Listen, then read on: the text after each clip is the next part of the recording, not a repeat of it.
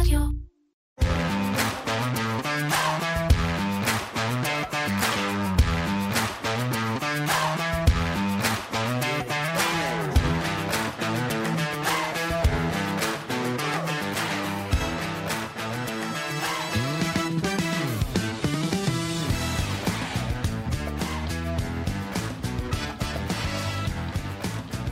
מאה חמישים מיליארד פאונד, לפחות ארבעה אחוז מהתוצר השנתי של בריטניה.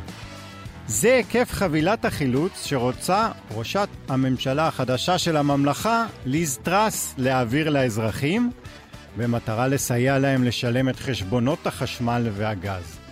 וכן, תשכחו מהבנק המרכזי האירו... האמריקאי, מהסגרים בסין ואפילו מההאטה בהייטק.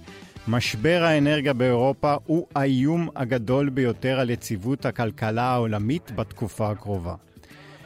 ואם בקורונה היו לנו חבילות חילוץ לאזרחים, עולם בו הריביות יורדות ואינפלציה נמוכה, עכשיו יש לנו חבילות חילוץ לאזרחים, עולם בו הריביות עולות ואינפלציה משתוללת, וזה הבדל ענק. ועל כאב הראש הזה, שמקורו באירופה אבל משפיע על כל העולם וגם עלינו, נדבר היום בפרק נוסף של פודקאסט מנועי הכסף של כלכליסט עם הכלכלן והאסטרטג הראשי של פסגות אורי גרינפלד. אהלן אורי. אהלן שי. אני שי סלינס, ואנחנו ברדיו ynet.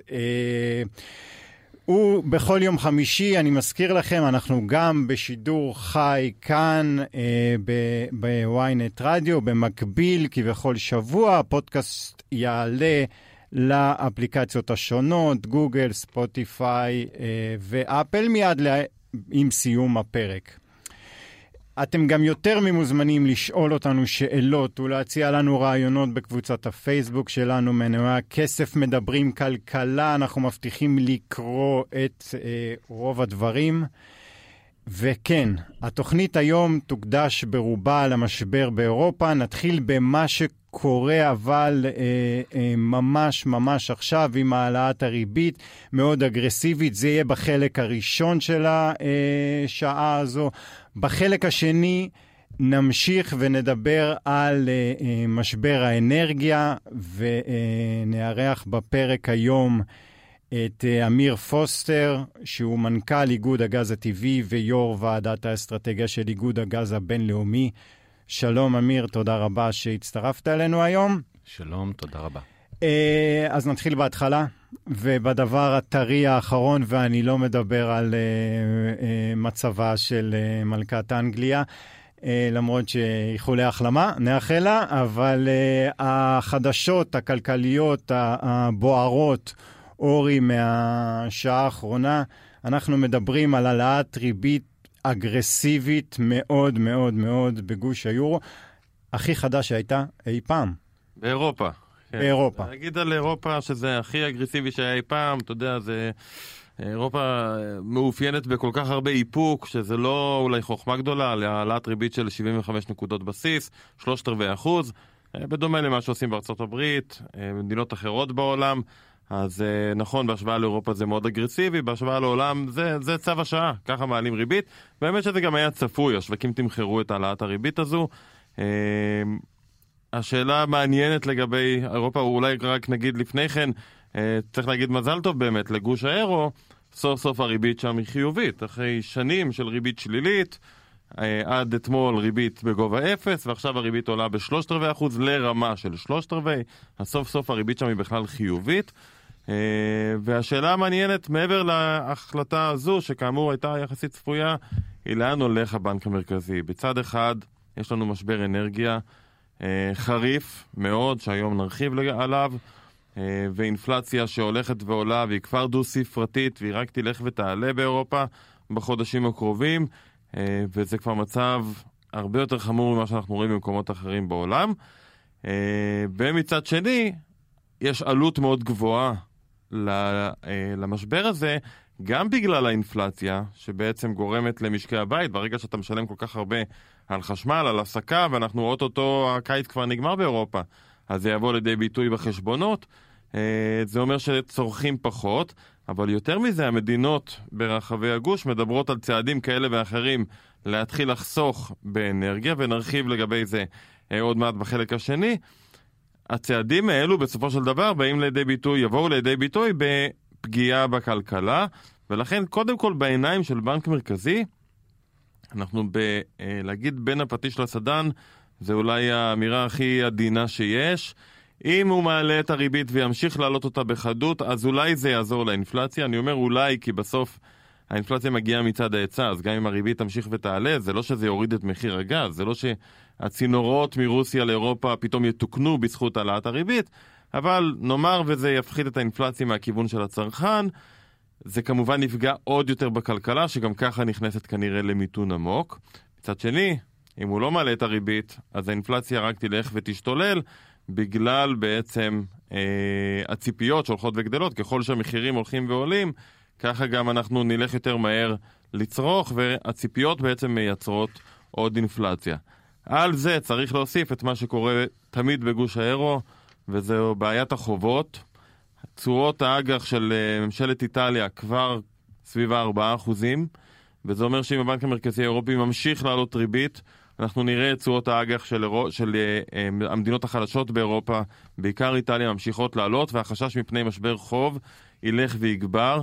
ואז השאלה היא איך בנק מרכזי אמור מצד אחד להעלות ריבית, מצד שני לעזור בשוק האג"ח, למשל על ידי הרחבה כמותית או רכישות של אג"ח, שזה בעצם שקול להפחתת ריבית. זאת אומרת, איך אפשר לעשות גם תמיכה וגם עצירה של, ה, אה, של השווקים הפיננסיים באותו הזמן?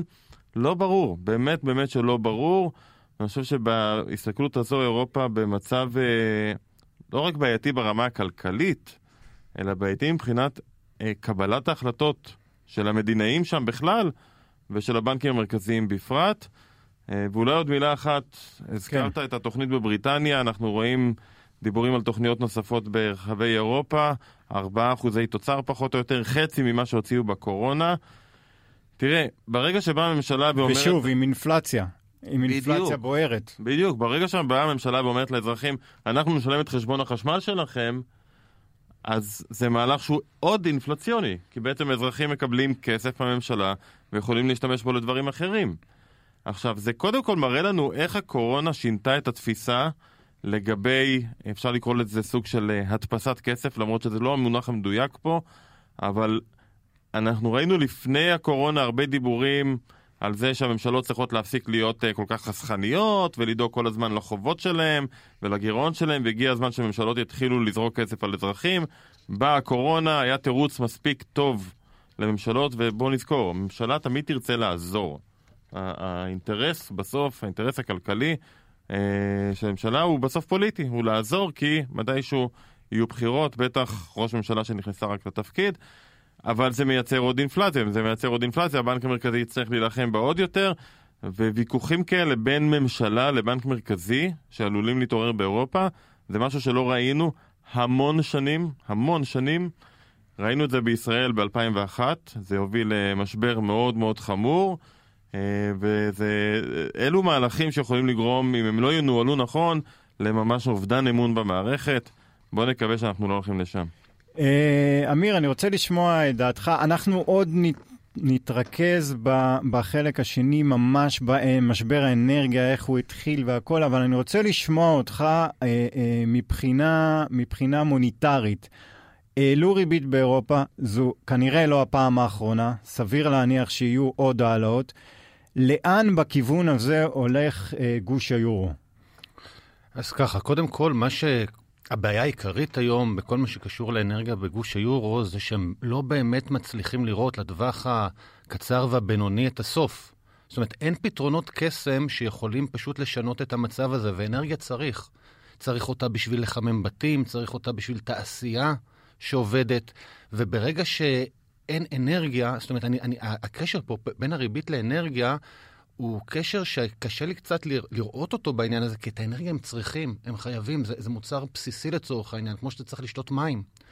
הם חייבים אנרגיה כדי שהכלכלה שלהם תעבוד, וברגע שאין את זה, או ברגע שזה במחירים כל כך יקרים, זאת בעיה. זה סחרור כן. מושלם כמעט. אה, אה, אה, איפה, איפה, הרי, הרי כולנו חיים באותו עולם, כמה חלק מה, מהמהלך הזה של הבנק האירופי אה, הוא קשור לזה שהם מסתכלים מעבר לים אה, אה, לאזו, לארצות הברית ואומרים, לא יכול להיות, ואני גם מזכיר לכם פה, את היורו דולר, שבעצם אפשר להגיד שהיורו שווה לדולר כבר תקופה. כמה חלק uh, המהלך הזה, uh, מסתכלים על אירופ, uh, ארה"ב ואומרים, אם הם מעלים בשלושת רבעי אחוז, אני חייב. אני חושב שיש פה שיקול, כמובן מבחינת המטבע, כי היחלשות של היורו מייצרת לנו עוד אינפלציה בצד של המוצרים המיובאים. אבל יותר מזה, אני חושב שזה בעצם מה שהאמריקאים עושים, נותן כביכול לאירופים אה, סוג של אה, קרדיט לעשות את מה שהם רוצים לעשות. כי בואו נזכור, המצב האינפלציוני באירופה יותר חמור ממשהו בארצות הברית. ולכן אם האירופאים אה, בדרך כלל נוהגים בצורה מאופקת יחסית, מה שקורה בארצות הברית, נותן להם את האפשרות להיות יותר אה, חדים, יותר מהירים, אבל עוד פעם, המהירות הזאת יכולה בסופו של דבר להיות סוג של חרב פיפיות, כי לא כל המדינות באירופה הן אותו דבר. אה, ובעוד שגרמניה כנראה מסוגלת להתמודד עם ריבית יותר גבוהה, לא בטוח שאיטליה או יוון מסוגלות להתמודד עם ריבית יותר גבוהה, ואז יצטרך לבוא הבנק המרכזי ולהגיד, אוקיי, אני מעלה ריבית מצד אחד, מצד שני אני רוצה לעזור לאיטליה, כי אם התשואה על החוב שלה תגיע ל-5-6 אחוזים, אז כולם יתחילו לדבר על פשיטות רגל. איטליה לא יכולה לשלם 5-6 אחוזים, היא פשוט לא, הכלכלה שלה לא מספיק חזקה כדי לשלם ריבית כזו לאורך זמן. ואז יבוא הבנק המרכזי וירצה לעזור. כדי לעזור הוא צריך להדפיס כסף ולקנות אג"ח איטלקיות, אבל הדפסת הכסף מייצרת עוד אינפלציה, אז צריך למצוא דרך חדשה לעשות את זה, ואז נכנס הפוליטיקה, ותוך כדי משבר אנרגיה, הפוליטיקה, בוא נגיד, זה לא שזה יחזק את מפלגות המרכז, זה כנראה יחזק את הקצוות, ואז הפוליטיקה הופכת להיות עוד יותר מסובכת. כמו בכל משבר. אה, כן, זה סערה מושלמת מה שנקרא, אה, וזה כמו שאמרת בהתחלה, זה המקום הכי מעניין לעקוב אחריו היום. מה שכן, אני חושב חשוב להגיד, בעיניים של השווקים לפחות, בעיניים של המשקיע, בטח הישראלי, זה לא משבר עולמי כמו שאולי אה, הרעש הוא מייצר. למה אני אומר את זה? כי קודם כל ארצות הברית, שהיא הכלכלה החשובה, בסוף השווקים בארצות הברית הם אלה שמזיזים את השווקים בארץ יותר מאשר אירופה. בעיניים של ארצות הברית, גם אם אירופה בדרך למיתון מאוד מאוד עמוק, so what, ארצות הברית היא סוג של אי, היא לא תלויה באירופה. וגם בעיניים של ישראל, נכון שחלק גדול מהייצוא הישראלי הולך לאירופה, אבל חלק גדול מתוך זה זה בסוף ייצוא של שירותי הייטק. קח למשל סייבר, גם אם איטליה במיתון, זה לא מה שיפגע בצורך של אה, חברות בינלאומיות לקנות את שירותי הסייבר של החברות הישראליות. אז בסוף ההשפעה על הכלכלה הגלובלית אה, מחוץ לאירופה היא לא מאוד גדולה. על האירופאים כן, צריך... אה, לא נעים, לא נעים בכלל מה שקורה שם. אני אגיד פה רק נקודה אחת בקשר לזה, שאם מחירי, זאת אומרת, אנחנו יכולים לפעמים לחשוב על זה מכיוון כזה. מחירי הגז במקומות מאוד מאוד רבים בעולם הם אקוויוולנטיים למחירי נפט שבין 300 ל-500 דולר לחבית. עכשיו, וואו. ננסה, אם היינו חושבים מצב עולם של מחיר נפט של 300 דולר... בוא רק נזכיר, אנחנו מדברים על, עכשיו על נפט על אזור ה-80 ו... 80 דולר בערך? כן, כן, 80, 90. כן. אז, אז מחירי גז הם בין 300 ל-500 בחלקים מאוד מאוד נרחבים בעולם, וזה משהו שההשפעה שלו יכולה לבוא ולהצטבר, ושנרגיש אותה בתקופה קצת יותר מאוחרת, ואולי כן זה יכול להתפוצץ לאיזה משבר כלכלי יותר גדול. אז פה, אפשר... פה באמת אנחנו עוברים לשאלה מחוץ לאירופה, עד כמה זה באמת משמעותי. אז, אז מה שקורה זה בגלל, הגז הטבעי והמוצר התחליפי לגז בעצם הוא הפחם בעיקר. וגם הפחם היום נמצא במחירים שהם בערך פי חמש מהמחיר הרגיל שלו. אז אנחנו נראה בטח גלגולים של, של מחיר, זאת אומרת, זה יתגלגל לתוך מחירים ש, שסין, ש, של דברים שיוצרו בסין והודו ובמקומות כאלה, או יתורגם להאטה וסין ובמקומות כאלה, שלא לדבר על תעשייה אירופאית. ארצות הברית היא עם פחות השפעה, אבל עדיין, מחירי הגז שם הם פי שניים יותר גבוהים ממה ש... ש... שרגילים. זאת אומרת, אנחנו יכולים לראות בעצם כל פה... הפעילות היצרנית בעולם או נפגעת מזה, במובן שמפעלים, וכבר שמענו על מפעלים שנסגרים. פשוט ב... ראיתי כתבה השבוע שעבר על uh, מפעלים לייצור דשנים, ששם יש המון צורך באנרגיה, שפשוט סגרו את המפעלים. Uh, אז או שהפעילות נפגעת, או שהם ייאלצו להעלות מחירים, ואז זה מתגלגל בכל שרשרת המחירים קדימה. בדיוק, תעשיית, התעשייה העתירת אנרגיה בעולם היא מבוססת בעיקר על גז ועל פחם. אנחנו לא מרגישים את זה כמו ב, שאנחנו מרגישים במכוניות שמחיר הדלק עולה. כן. כי המוצרים עוד לא הגיעו. הבנו שיש בעיה של מחסור בגז באירופה, בעיקר כתוצאה מהמלחמה באוקראינה. תסביר לי בבקשה למה אי אפשר לקחת, יש הרי לא מעט גז, למה אי אפשר לקחת ממדינות, אה, אה, לא יודע, כמו נורבגיה, או כמו אפילו ארצות הברית, אוקיי, חסר לגרמנים אה, אה, אה, מצבורי גז, אנרגיה לחורף, למה אי אפשר לבוא ולקחת ולהעביר? כמו עם נפט, דיברת קודם על הנפט. אז ככה, אה, כשמדברים על גז, צריך, הייחודיות של המוצר הזה, שנקרא גז טבעי, זה ה, בתשתיות שלו, ביכולת של לשנע אותו מאזור אחד לאזור אחר. אם מדובר לא במרחקים גדולים מדי, אפשר לעשות את זה עם צנרת. אבל גם, צנרת זה דבר מאוד מאוד מורכב ויקר לבנות.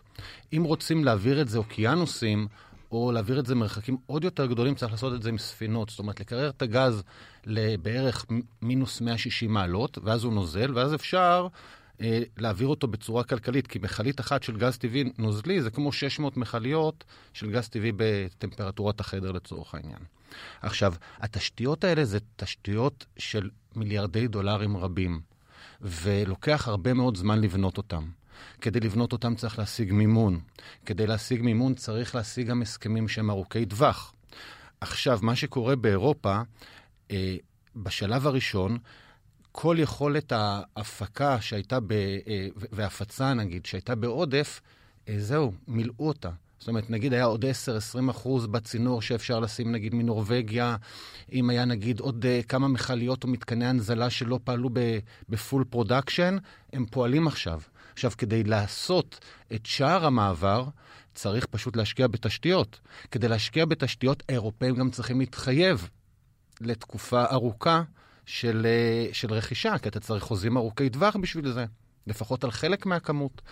אז בעצם מה שקורה זה שבטווח הקרוב והבינוני, זה יכול להיות טווח של שנתיים-שלוש, אירופה בעצם תלויה כמעט לחלוטין ברוסים, או שהיא תסבול ממחסור אנרגיה כל כך דרמטי, שהיא תצטרך בעצם להשתמש בהרבה מאוד נפט, בהרבה מאוד פחם, וגם אז זה בטח לא יספיק, כי אין את כל כושר הייצור שהם צריכים בשביל זה. זה בעצם יכול, זה אנרגיה חלופית לכל דבר? זאת אומרת, ברגע שרוסיה סוגרת לי את הברז של הגז, אני יכול באותו רגע להעביר את כל המפעלים ל... לא, זה בדיוק העניין, שזה גם לא באותו רגע. תראו, בישראל אה, רוב הגז משתמשים בו אה, לייצור חשמל.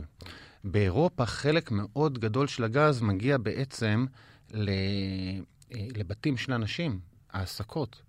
ואת זה, זה תשתיות ש, שאי אפשר מהרגע להרגע לשנות. אז הם יכולים לקנות עוד קצת תנורים חשמליים ולשבת לידם, שם צריך יותר מתנור חשמלי כדי להתחמם. כן. אבל אז זה גם מעלה את צריכת החשמל.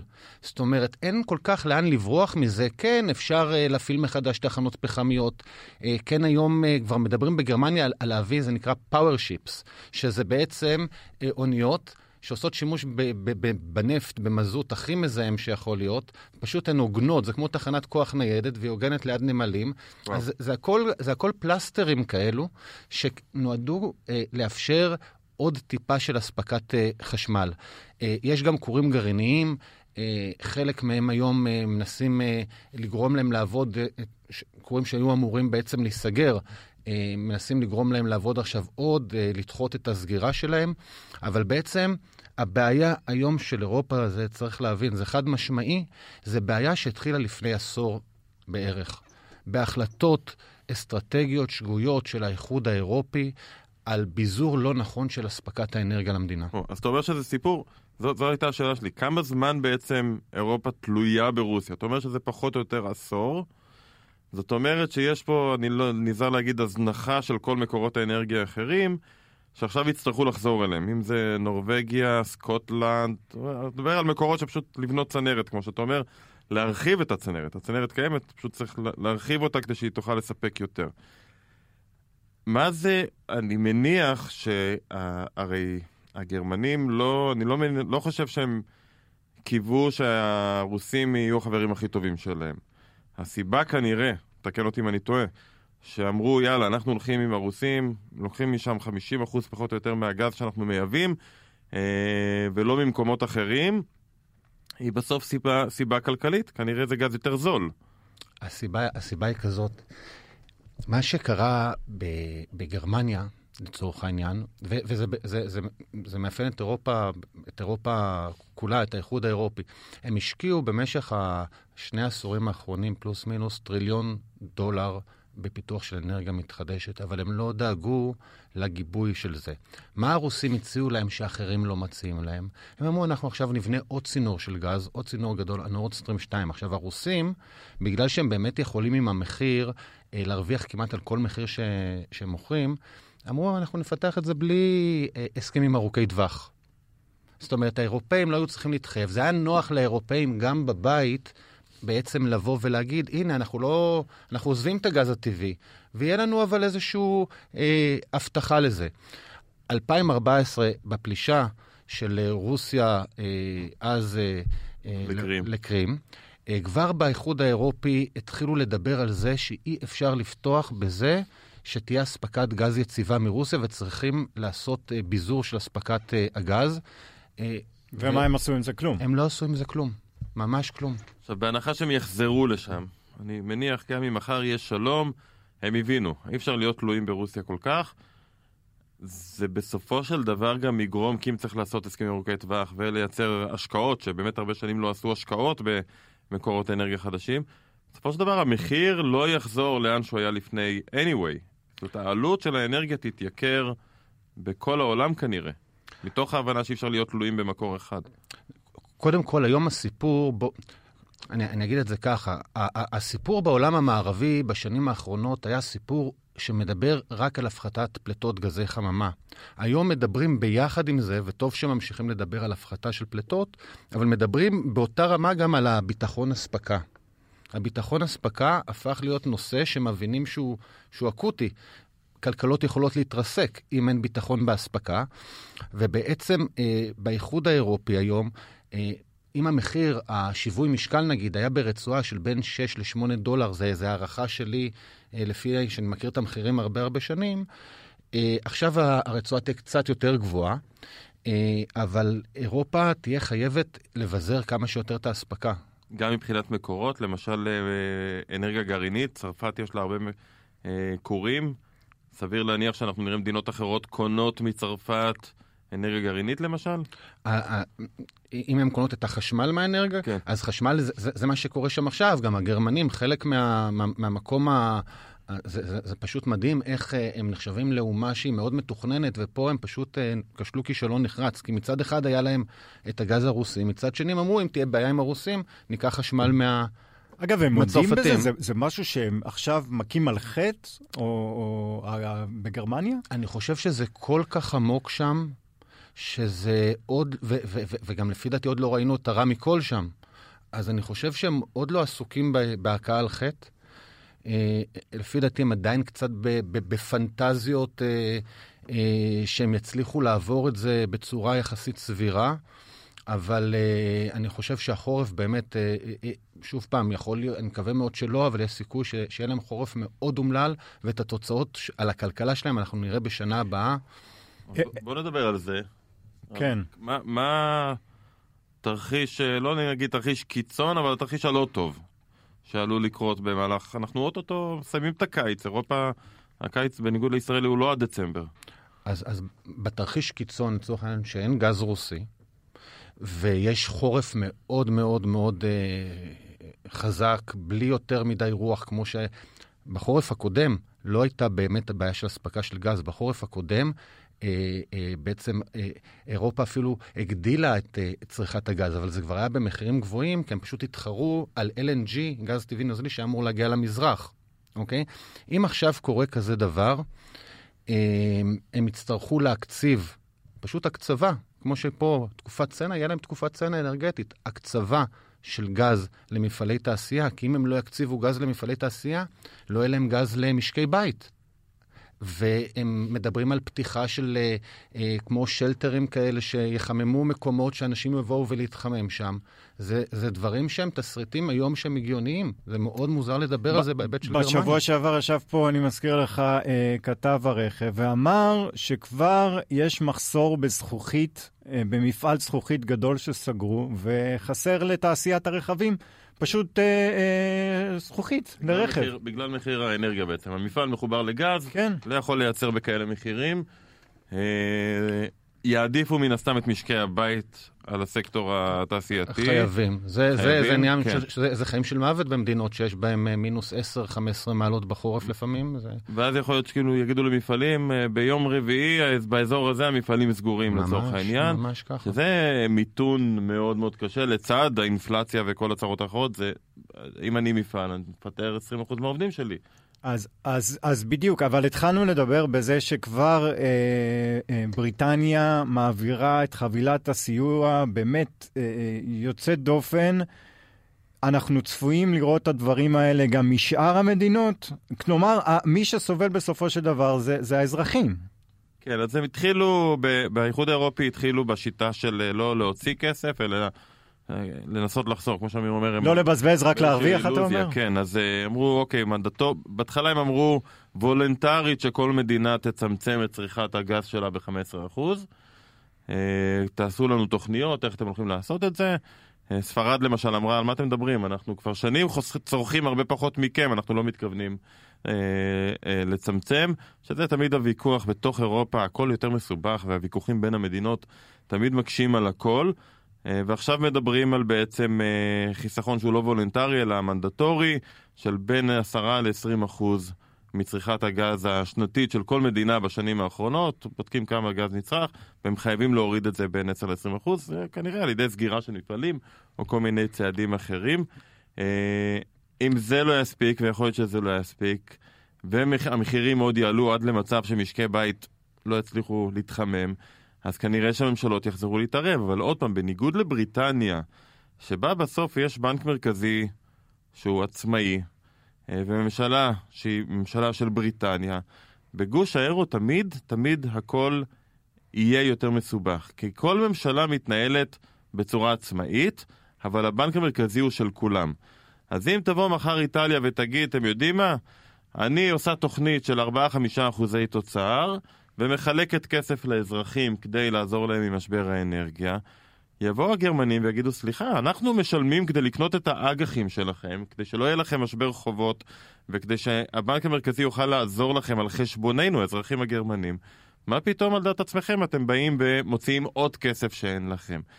וגם אם בסוף יגיעו להסכמות, באירופה הדברים האלו שקשורים למדיניות של ממשלה לצד מדיניות של הבנק המרכזי שהוא אחיד לכולם, אלו תמיד דברים מאוד מורכבים ומסובכים ומלאי פוליטיקה שגורמים לזה שההחלטות מתקבלות או מאוחר מדי או שהן לא מתקבלות בכלל. ראה ערך המשבר החובות של 2012 שהיה אפשר להימנע ממנו בקלות אה, ולכן סביר להניח שבעיניים של השווקים לפחות הסיפור האירופי זה החשש העיקרי, שאנחנו נראה בעצם את הסיפור האירופי מעבר ל...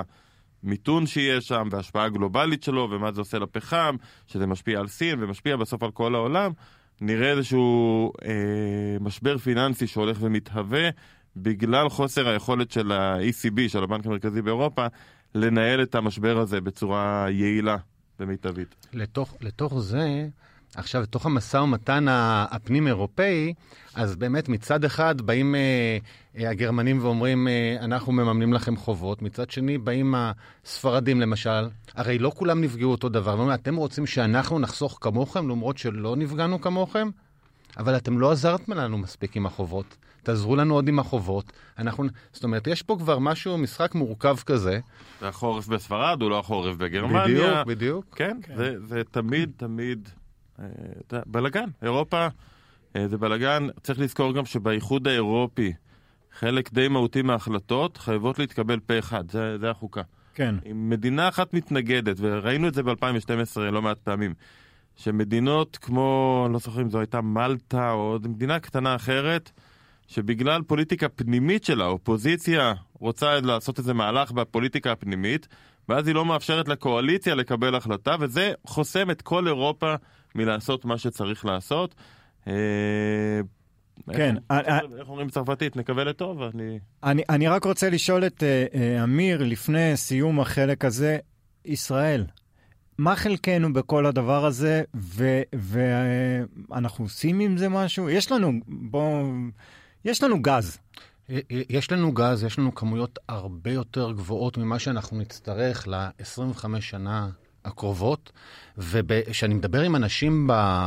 בעולם, באיגוד הגז הבינלאומי, ומספר להם על המצב פה, שיש פה מחירים של סביב 5 דולר אה, לגז טבעי, זה אומר כאילו, המחירים בישראל הם די יציבים וגבוהים, עם מחיר אקוויוולנטי של פחות מ-30 דולר לחבית נפט. זה, זה מחירים שבעולם... אה, הם, הם, הם, הם מקנאים בנו על זה. אתה אומר, זה עשרה אחוזים בערך מה... זה, זה, ש- בערך, שווה ערך. זה, כן, כן, עשרה אחוזים, לפעמים אפילו פח, אה, פחות מעשרה אחוזים מהמחיר באירופה, אה, פחות מהמחיר בארצות הברית או באוסטרליה, ובעצם אה, אנחנו פה בישראל ממש קיבלנו סוג של חסינות, אבל אני אגיד גם יותר מזה, זה שאנחנו מייצאים אזורית, אנחנו בעצם גם נותנים חסינות לירדן למשל, ששם 80% מהחשמל מיוצר מגז ישראלי. ירדן גם כן די מנותקת היום מהסיטואציה הנוראית הזאת שיש בעולם. גם מצרים די מנותקת, כי אנחנו שם אולי לא מספקים כאלה אחוזים יחסית להצריכה כמו בירדן, אבל זה נותן להם ביטחון. אז בעצם אנחנו כאן סוג של עוזרים לאזור להישמר מאינפלציה נורא גדולה. והעניין פה שלישראל יש עוד 2,100 BCM פוטנציאלים של גז. שזה ואני- בעברית? שזה בעברית יותר מפי שתיים ממה שגילינו עד עכשיו. זאת אומרת, זו כמות שהיא... אה, ש... כמויות גז שעדיין נמצאות באדמה. ש- שהם פוטנציאל. כן. ו- זה לא ודאי ש- שימצאו כן. את כולם, אבל אפילו הם מוצאים את חלקם. ואני חושב שאנחנו היום במצב עולם כזה, אה, חייבים ללכת כמה שיותר מהר לבוא ולגלות כמה שיש לנו, כי גז יצטרכו בעולם עוד שנים רבות, בייחוד עכשיו בכל מיני מדינות שחוזרות להשתמש בפחם כי גז יקר להם. אני חושב שמעשה נכון זה להפיץ כמה שיותר גז בעולם, כמובן עם שמירה של כמויות לעשרות שנים כמו שאנחנו עושים כיום, לשוק המקומי הישראלי. שהביקוש ל... או הרצון להשקעה בתשתיות, התשתיות שתמיד דיברו עליהן, אולי צינור שעובר דרך טורקיה לאירופה. הרצון של מדינות אירופה להשקיע עכשיו בתשתיות האלה עלה משמעותית. זה הולך וגדל, ותשתיות של הנזלה, אם זה הנזלה ימית פה בישראל במתקני FLNG, שזה מתקני פלוטינג, LNG, אה, מתקנים ימיים לה- להנזלה, או המצרים, מבחינתם, אה, יש להם גם אספירציות להקים מתקני הנזלה נוספים, ואז בעצם אפשר לשלוח את הגז לאיפה שצריך אותו יותר, אם זה לאירופה, אם זה לאסיה. יש היום מקרים, המקרים הם פשוט אבסורדים. נגיד היום גז שהסינים מייבאים, בהסכמים ארוכי טווח יחסית בזול, הם במקום לצרוך אותו אצלם, הם עוברים לפחם ומוכרים אותו לאירופאים, כי האירופאים צריכים את הגז, הם מוכרים אותו ביקר. זה, וואו, העולם הפוך. כן. אמיר, אני רוצה, אה, התחלנו אולי תחושה טיפה פסימית מהדיון שהיה לנו פה, אני רוצה לשמוע את התחזית שלך. באמת, אה, בוא נלך לטווח טיפה יותר רחוק, שנתיים, שלוש מהיום. מה יפתור את המשבר הזה של האנרגיה? ומה, אה, רק אה, הסכם שלום בין אה, אוקראינה לרוסיה יפתור? אה, קודם כל, גם אם יהיה איזשהו הסכם, אני, כמו, כמו שאמרנו קודם, אני לא חושב שהאירופאים אה, ינוחו על זרי דפנה וימשיכו עם תלות כזאת באנרגיה אירופאית. אה, מה שיכול לקרות עכשיו זה שבעצם יתפתחו, אה, יפתחו תשתיות חדשות, אה, הן של הנזלה מארצות הברית לאירופה, יכול להיות של הנזלה מהאזור הזה, גם כן שתגיע לאירופה. אה, הנורבגים פועלים כדי אה, לבנות עוד ועוד אה, אה, יכולת הפקה ואולי צינורות נוספים לאירופה. אז זה דבר שיכול בעצם לבוא אה, ולעזור לאירופאים. זה לצד המשך פיתוח של אה, מקורות אנרגיה מתחדשת באירופה, אבל בשנתיים, שלוש הקרובות, כל עוד אין באמת פתרונות אגירה שהם אה, משמעותיים, זה משהו שייקח יותר זמן, 10, 15, 20 שנה, אז האירופאים בעצם יהיו לטווח ארוך בסוג של דיסטרס כזה של אנרגיה. זאת אומרת, אין פתרון שהוא מאוד מאוד מוחלט כרגע לדבר הזה. הדבר היחיד זה לפתח כמה שיותר מהר תשתיות, ואז בתוך 3, 4, 5 שנים הם יוכלו לקבל אה, כמויות נוספות של אנרגיה שחסרות להם עכשיו. אוקיי, okay, אה, אני רוצה מאוד להודות לך שהשתתפת איתנו, השכלנו. ועכשיו אנחנו לפינה האחרונה, הדבר המוטרף שקרה השבוע ואולי לא שמתם אליו לב. אה, אני, אני אתחיל השבוע ואתה יודע מה, זה ממש מתחבר למה שדיברנו בחלק הראשון והשני של הפודקאסט. לפני כמה פרקים דיברנו פה על המבצע הענק שעשו בגרמניה עם התשעה יורו לנסיעה ברכבת, גם בכל רחבי גרמניה, גם בנסיעות בינלאומיות וגם בנסיעות אה, אה, מקומיות. והסתיימו שלושה, שלושת חודשי הניסיון, ויש תוצאות. דבר ראשון, נמכרו בסך הכל 52 מיליון כרטיסים, אה, שזה אה, אה, הרבה מעל הצפי שלהם. והתוצאות הן שחלה עלייה חדה ביותר במספר הנסיעות בקבוצה, הם חילקו את זה לקבוצת תיירים ומקומיים. בתיירים עלייה חדה ביותר בכמות הנסיעות ברכבות באזורים בין-עירוניים, כמעט כפול. בנוסף, עלייה של 60 אחוזים נרשמה אצל המקומיים ברכבות באזורים דווקא עירוניים. עכשיו הם מדדו גם את השינוי בנסיעות ברכבים. ומבחינת הנסיעות בכבישים, לא נוצר שינוי מהותי בנסיעות של תושבים מקומיים במתחם האורבני, העירוני, אבל, וזו לדעתי הנקודה הכי חשובה כאן, נרשמה ירידה של 20% בכמות הנסיעות של אה, אה, מקומיים במרחב האורבני. ואנחנו רק נזכיר, גרמניה בעיקרון עשתה את זה בשביל לסייע לתושבים באינפלציה, וזה הסתיים בזה שאנשים פשוט לא נוסעים לעבודה עם הרכב שלהם, ככל הנראה, והם משתמשים בתחבורה ציבורית בגלל המחיר. הצלחה. מסתבר שזה עובד. כן. רק צריך תחבורה ציבורית בשביל זה. נכון. כן. אה, טוב, אני אה, הבאתי איזשהו נתון מעניין בנוגע לאייפון. אתה אוהב אייפונים. כן. אז יוצא לנו אייפון 14, נכון? היום, השבוע? אתמול. אה, אתמול כבר היה? אה. אז נתון, אה, לדעתי היה מאוד מעניין. אה, אתה יודע, גוגל אוספים, אתה יכול לעשות בגוגל טרנדס בעצם, לקבל נתונים על כמה אנשים חיפשו מילה מסוימת, איזושהי מילת חיפוש, ואז אתה יכול לראות היסטורית עד כמה הבאז סביב זה גדל או קטן. אה, וכשמסתכלים על החיפוש של המונח אייפון, בעצם מ-2007, מהאייפון הראשון, אה, אנחנו רואים שההתעניינות, לפחות בגוגל, של הציבור במוצר הזה, הולכת ופוחתת משמעותית. אה, שיא ההתעניינות היה באייפון 5, זה היה כנראה הלהיט הכי גדול. ומאז האייפון 5 אנחנו רואים באייפון 6-7 בערך 90% התעניינות ביחס לאייפון 5, באייפון 8 אה, זה כבר יורד ל-80 אחוז, האייפון 14 אנחנו מדברים על 50 אחוז חיפושים של המונח אייפון, לעומת אה, אייפון 5 שזה השיא, מודדים לפיו. אה, האם זה בגלל שכבר כולם מכירים? האם זה בגלל שפשוט האייפון פחות מעניין? כן, גם וגם. פחות באז, אין חידושים כבר וכן הלאה? אבל עדיין כל חברה שממציאה מוצר, אני מאמין שהם מאוד רוצים שיהיה 50 אחוז... אה, כנראה, כנראה. כן. ואגב, האנליסטים בוול סטריט, בעיקר, הסתכלתי אה, לקראת ההשקה, אה, הדבר שהכי מעניין אותם לראות זה איך באמת אפל מתייחסת לשינויים במטבע. ההתחזקות של הדולר, האם ישנו את המחיר של האייפון, הרי המחיר של האייפון הוא נקבע, והוא אותו דבר בכל מקום, לא משנה מה קורה למטבע, מה שאומר שבמדינות כמו יפן, האייפון הופך להיות מאוד מאוד יקר בעיניים כן. של הצרכן היפני, אה, והאם הם יעשו התאמות לשינויים במטבע כדי שהצרכנים במקומות אחרים מחוץ לארה"ב ימשיכו לקנות.